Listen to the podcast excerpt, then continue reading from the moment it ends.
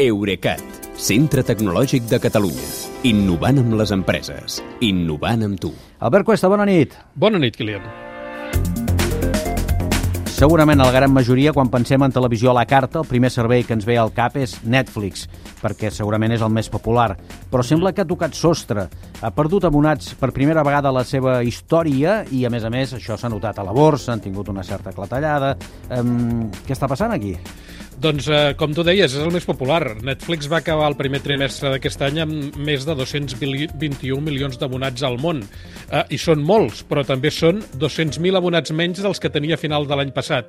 Eh, una part d'aquesta caiguda eh, són eh, els 700.000 usuaris que ha perdut perquè des de que va deixar de donar de servei a Rússia però també n'ha perdut a la resta del món. Eh, bueno, gairebé a tot el món. A la regió d'Àsia-Pacífic, no.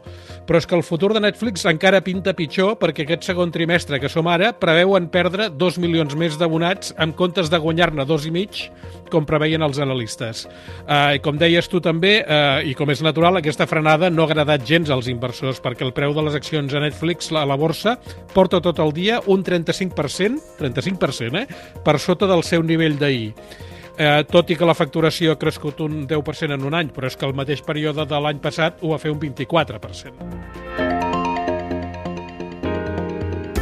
Escolta'm una cosa, Albert, com és que l'audiència de Netflix ha deixat de, de créixer? Què, què està passant? A veure, jo diria que ja és un conjunt de factors. Per una banda, té molta competència sí.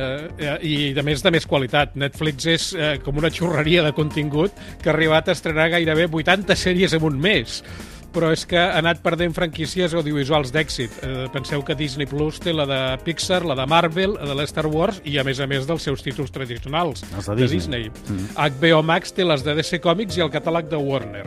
I Amazon Prime ha comprat fa poc el de la Metro i el mes que ve estrenarà totes les pel·lícules de James Bond. Però és que a sobre el model d'estrenes de Netflix es veu que la perjudica, perquè ja és gairebé l'única plataforma que publica de cop tots els episodis d'una temporada, de manera que potser els, els espectadors es passen un cap de setmana sencer mirant-los seguits. Però sí, només en maratons, parlen... eh, d'aquelles. Exacte, que allò de les maratons, Sí, sí. però només en parlen un cop i després passen a la sèrie següent i se n'obliden.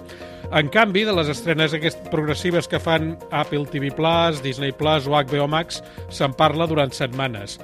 I, a més, hi ha dos factors, al, al, dos altres factors que, diguem-ne, són més comercials. Uh, la quota mensual de Netflix no ha parat d'augmentar i ara està per sobre de totes les de la competència. I, a més, al món hi ha 100 milions de llars que miren Netflix sense pagar 100 perquè fan milions? 100 milions, i pensa que hem dit que en tenia 221, eh, de milions d'ús d'abonats. Sí. Uh, I aquestes, aquests 100 milions de llars uh, no paguen perquè fan servir la contrasenya d'un altre abonat, cosa que la norma no permet.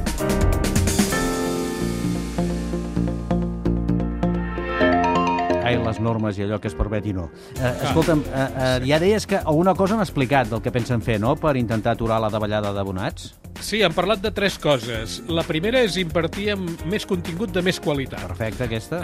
Sí, aquesta està bé. La segona és que seran més estrictes amb això que dèiem de les contrasenyes compartides, perquè fins ara fan els ulls grossos, però a partir d'ara com ja estan fent a Xile, a Costa Rica i a Perú de prova, eh, cobraran un suplement de, posem, dos o tres euros per cada llar addicional des d'on s'accedeixi habitualment al servei, que a més a més s'haurà de donar d'alta amb les seves pròpies credencials. Ja.